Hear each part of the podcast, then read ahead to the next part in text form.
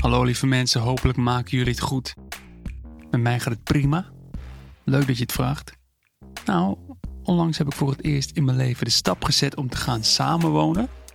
Afgelopen zaterdag hadden mijn vriendin en ik de eerste week voltooid. Zonder ruzie. En om het te vieren gingen we buiten de deur ontbijten. En toen hebben we voor het eerst iets betaald van onze gezamenlijke rekening. Oh yeah, rock and roll. Een bijzondere sensatie was dat. We hebben twee pasjes.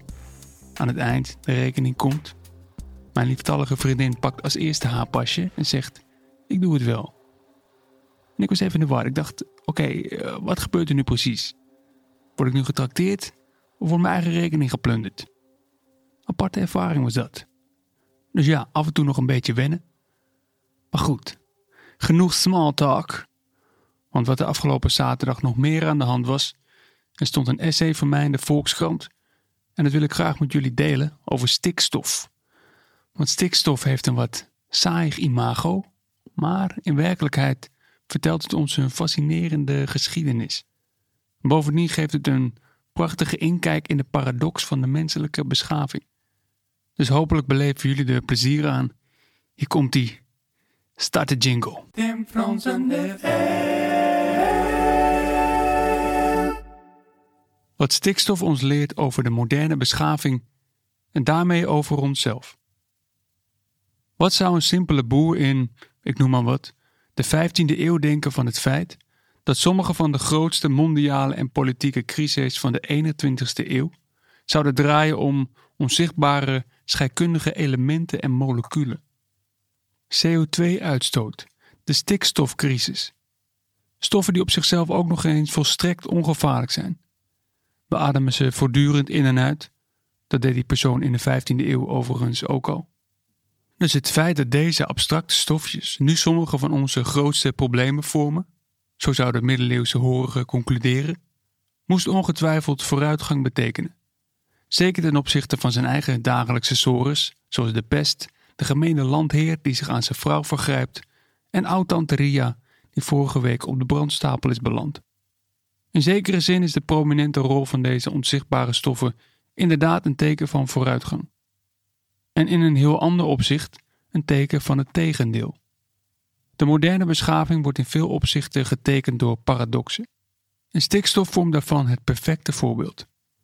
Stikstof speelt niet alleen een dubbelzinnige rol in de weg naar de moderne beschaving, maar illustreert daarmee ook een meer filosofisch punt over technologie als tweesnijdend zwaard.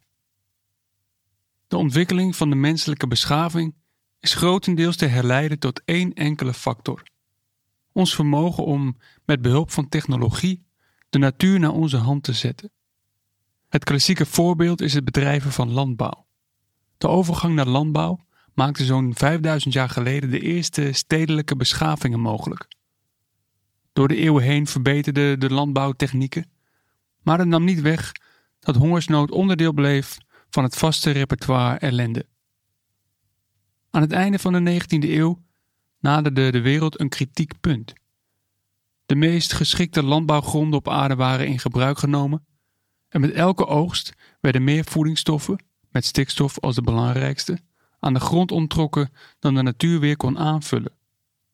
Daar kwam bij dat de wereldbevolking, mede dankzij de recente vooruitgang in geneeskunde en sanitaire voorzieningen, razendsnel groeide. De wereld stond op het randje van massale hongersnood. Wetenschappers begonnen zich te richten op een chemische oplossing. Stikstof is een essentiële bouwsteen voor DNA en daarmee al het leven op aarde. Mensen halen het uit planten of uit dieren die planten hebben gegeten. Planten halen het uit de bodem. Maar was er niet een manier om het uit de atmosfeer te halen? Zo'n 78% van de lucht bestaat immers uit stikstof.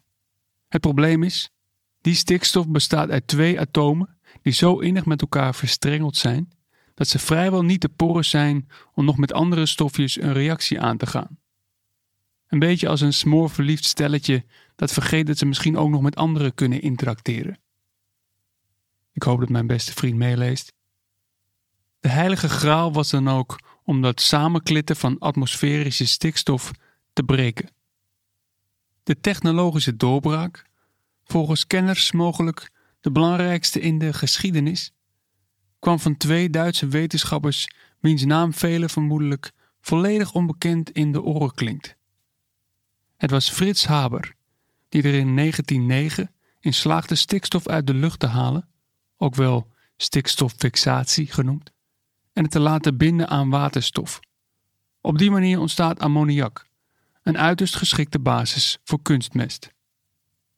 Het lukte Habers collega Karel Bosch om dat proces op te schalen voor commercieel gebruik. Tegenwoordig is naar schatting de helft van de stikstof in ons lichaam afkomstig van dit zogenaamde Haber-Bosch-proces. En ongeveer de helft van de wereldbevolking zou zonder deze uitvinding vermoedelijk niet kunnen bestaan. De Canadese hoogleraar Vaclav Smil schrijft over deze uitvinding, ik citeer, De fixatie van stikstof is essentieel voor de vooruitgang van de menselijke beschaving. Andere ontdekkingen zijn gericht op ons geestelijk welzijn, bieden luxe en gemak. De fixatie van stikstof is een zaak van de nabije toekomst. Einde citaat. Brood aus Luft noemen Duitsers dit scheikundige wonder. Brood gemaakt uit lucht. De mens had weer een nieuw hoofdstuk toegevoegd aan zijn inspanningen om de natuur naar zijn hand te zetten. In zijn boek Enlightenment Now voert vooruitgangsdenker Steven Pinker de twee Duitse scheikundigen op als de wetenschappers die het hoogste aantal mensenlevens hebben gered. Wat in dit succesverhaal van Haber en Bosch echter achterwege blijft, is een diepdonkere schaduwzijde. Die schaduwzijde kent meerdere facetten, maar één daarvan heeft alles te maken met een grimmige toepassing van stikstof. Stikstofverbindingen zijn namelijk niet alleen essentieel voor een vruchtbare bodem, maar komen net zozeer van pas als je iets wilt opblazen.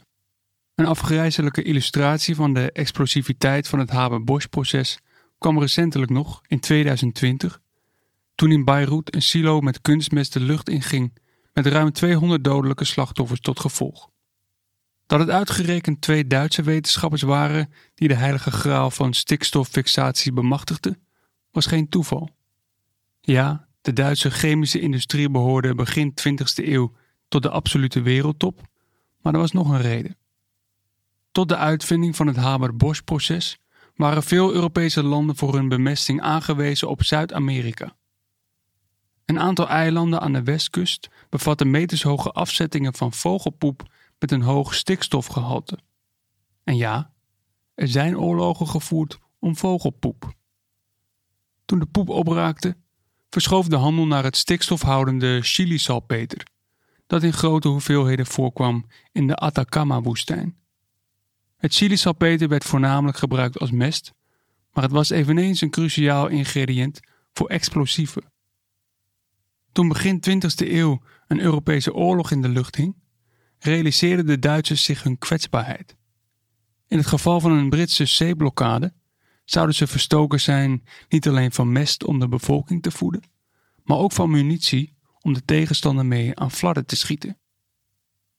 Die Duitse vrees werd waarheid. In een van die wonderlijke historische episodes vond de eerste grote zeeslag van de Eerste Wereldoorlog plaats niet in Europa, waar de oorlog uitbrak, maar bij de kust van Chili. Uiteindelijk kregen de Britten, die ook wanhopig afhankelijk waren van het Chileense goedje, de overhand. Als gevolg zouden de Duitsers binnen korte tijd zonder munitie en explosieven zitten. Karl Bosch en Frits Haber wisten de Duitse staat ervan te overtuigen dat zij de oplossing hadden. Hun nieuwe stikstoffabriek kon makkelijk worden aangepast om het Duitse leger van munitie te voorzien. En zo geschiedde. In zijn boek The Alchemy of Air op wetenschapsjournalist Thomas Hager dat, zonder de uitvinding van Haber en Bosch, de oorlog vermoedelijk twee jaar korter had geduurd. De Uberpatriot Haber zou zich tijdens de Eerste Wereldoorlog ook nog storten op militair gebruik van gifgas, wat hem de bijnaam de vader van de chemische oorlogvoering heeft opgeleverd. Toen hij in 1918 de Nobelprijs ontving, leidde dit dan ook tot hevig internationaal protest. En het immense chemiecomplex bij de Duitse staat Leuna, het levenswerk van Karl Bosch, zou uiteindelijk een onmisbare radar worden in Hitlers oorlogsmachine. Hier houdt het schaduwverhaal nog niet op. Want op manieren die Haber en Bosch onmogelijk hadden kunnen bevroeden, zou hun uitvinding decennia later nog een heel ander gevaar vormen, en wel voor de natuur. Ook in Nederland zijn het voornamelijk de ecologische effecten die het stikstofdossier nu politiek actueel maken. Dat verhaal is op lokaal niveau soms moeilijk uit te leggen. Moeten we echt de bouw stilleggen en de veestapel halveren omdat er wat meer brandnetels groeien of zeldzame vlinders het moeilijk hebben? Toch is het stikstofprobleem in Nederland, met haar intensieve landbouw en veeteelt, in zekere zin de kanarie in de kolenmijn voor iets wat op wereldschaal speelt. In het afgelopen decennium hebben wetenschappers geprobeerd de ecologische grenzen in kaart te brengen waarbinnen de aarde op termijn leefbaar blijft voor de mens. Momenteel zijn negen van deze zogenaamde planetaire grenzen onomstotelijk vastgesteld, waarvan de mens er inmiddels al vijf overschrijdt. Vier daarvan zijn de klimaatcrisis, de biodiversiteitscrisis, grootschalige ontbossing en chemische vervuiling. De vijfde is de ontregelde stikstofcyclus, met kunstmest als de voornaamste boosdoener. De meeste stikstof komt niet terecht in ons voedsel, maar spoelt weg of komt in schadelijke verbindingen in de lucht terecht. Het grootschalig ingrijpen in de natuurlijke stikstofcyclus heeft dan ook allerlei problematische gevolgen, van luchtvervuiling, bodemverzuring en een drastische terugval van de biodiversiteit tot zogenaamde dead zones waar het volledige oceaanleven verstikt is geraakt. Stikstof kent een aantal belangrijke parallellen met die andere politiek urgente stof, CO2. Net als kunstmest heeft het verbranden van fossiele brandstoffen een belangrijke rol gespeeld bij de ontwikkeling van de moderne beschaving. En net als kunstmest vormt het nu een van onze grootste bedreigingen. De gelijkenis gaat ook op wat betreft de ongelijke verdeling in de wereld. Het zijn vooral de rijkste landen die verantwoordelijk zijn voor het probleem. In Afrika bijvoorbeeld is het stikstofgebruik nog geen derde van het Europese gemiddelde. Bovendien levert het Haber-Bosch-proces indirect ook een aanzienlijke bijdrage aan de klimaatontwrichting. Om het verzet van het smoorverliefde stikstofstelletje te breken, zijn immense hoeveelheden energie nodig, doorgaans geleverd door aardgas. Naar schatting is de productie van stikstofhoudende kunstmest goed voor maar liefst 1% van het totale wereldwijde energieverbruik en draagt het voor 1,4% bij aan de totale CO2-uitstoot. In die zin is het meer accuraat om te zeggen dat we niet lucht, maar aardgas omtoveren tot brood. Hoewel het vermoedelijk geen bijster verrassend inzicht is dat technologie zowel voor constructieve als destructieve doeleinden gebruikt kan worden, lijken we maar weinig stil te staan bij hoe dicht deze twee tegen elkaar aanschuren. Niet alleen in theorie, maar ook in de praktijk. Het Haber-Bosch-proces is wat dat betreft allerminst een uitzondering.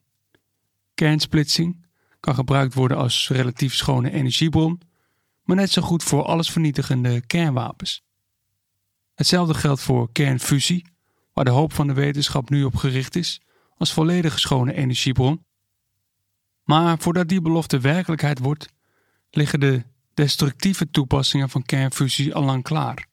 In de vorm van waterstofbommen die wel duizend keer krachtiger zijn dan de uraniumbom die neerviel op Hiroshima. Het zou onze hoop moeten temperen dat simpelweg meer technologie de oplossing is voor onze problemen. Want elke nieuwe technologie lijkt gepaard te gaan met een schaduwzijde. Afgelopen maart nog publiceerde het gerenommeerde wetenschappelijk tijdschrift Science een verontrustend onderzoek. In een luttele zes uur had kunstmatig intelligente software meer dan 40.000 mogelijke chemische wapens bedacht. Maar nu komt het. De betreffende software was oorspronkelijk ontwikkeld voor het ontdekken van nieuwe medicijnen. In de woorden van de onderzoekers, ik citeer: We hadden ons onschadelijke model getransformeerd. Van een handig gereedschap voor de geneeskunde tot een generator van waarschijnlijk dodelijke moleculen. Voor de duidelijkheid: de tweeledigheid van technologie betekent niet dat de destructieve toepassingen onvermijdelijk zijn. Niet technologie, maar menselijk handelen bepaalt uiteindelijk de uitkomst. Om terug te keren bij stikstof, de oplossing ligt grotendeels voor de hand, namelijk het verkleinen van de veestapel, niet alleen in Nederland, maar wereldwijd. Het is inmiddels een bekend feit dat veeteelt een uitzonderlijk belastende en inefficiënte vorm van voedselproductie is. Het telen van gewassen voor het voeden van dieren, die vervolgens weer ons moeten voeden, komt in feite neer op grootschalige voedselverspilling. De eerder genoemde Canadese hoogleraar Vaclav Smil noemt een verlaagde vleesconsumptie dan ook, ik citeer, wel effectief, maar niet erg populair. Een waarheid als een koe. Al zou het achteraf toch zonde zijn als de manieren om de wereld leefbaar te houden simpelweg niet populair genoeg waren. Het lot van de moderne beschaving zal niet worden bepaald door de hoeveelheid kennis of technologische mogelijkheden, maar door de manier waarop wij ermee omgaan. De enige denkbare oplossing zal dan ook moeten bestaan uit het dichten van de kloof tussen onze kennis en onze wijsheid.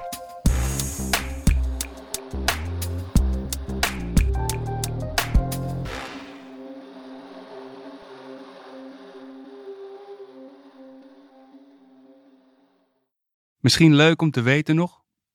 Mijn nieuwe boek is zojuist verschenen. In onze tijd. Leven in het calamiteitperk. Dit boek is mijn, nou, ik kan best zeggen, onbescheiden poging tot een verhelderend perspectief op onze tijd en op wat ons daarin te doen staat. Af en toe komt er ook een grapje voorbij, ter afwisseling van al dat filosofische gezever. Het boek ligt nu in de lokale boekhandel. En anders kun je het ook bestellen via de link in de show notes of ga naar timfransen.nl. Daar vind je ook een uitgebreidere beschrijving van het boek. Tot zover dit nieuwsbulletin over en uit.